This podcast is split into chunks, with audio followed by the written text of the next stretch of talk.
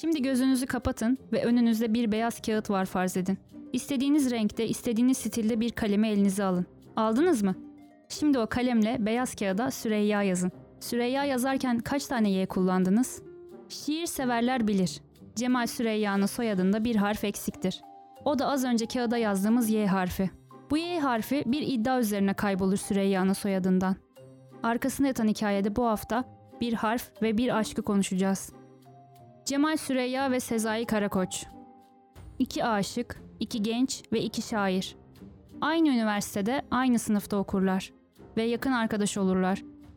İkisi de aşık olmaya öyle hazır, öyle duygusal iki şairdir ki hızlarını alamayıp bir de aynı kadına aşık olurlar. Muazzez Akkaya'dır şairleri isimlerinde neden güzel kadın. Bu iki şair öylesine aşıktır ki Muazzez Hanım'a, ona yazdıkları şiirleri birbirlerine okur, ona duydukları ilgiyi birbirlerine anlatır duruma gelirler. Bu aşkın böyle sürüp gitmeyeceğini anlayan iki kafadar bir gün karşı karşıya gelir ve bir anlaşma imzalarlar. Bu anlaşmaya göre Muazzez'den kim karşılık alamazsa adından bir harf eksiltecektir. Eğer Cemal Süreyya kaybederse ismi artık Cemal Süreyya olacak. Eğer Sezai Karakoç kaybederse ismi artık Sezai Karkoç olacaktır. Ve böylelikle bu aşkın ve hırsın bedelini ömrü boyunca isminde taşıyacaktır kaybeden. Sezai Karakoç Mona Rosa'sından karşılık alır ve kaybeden Cemal Süreyya olur.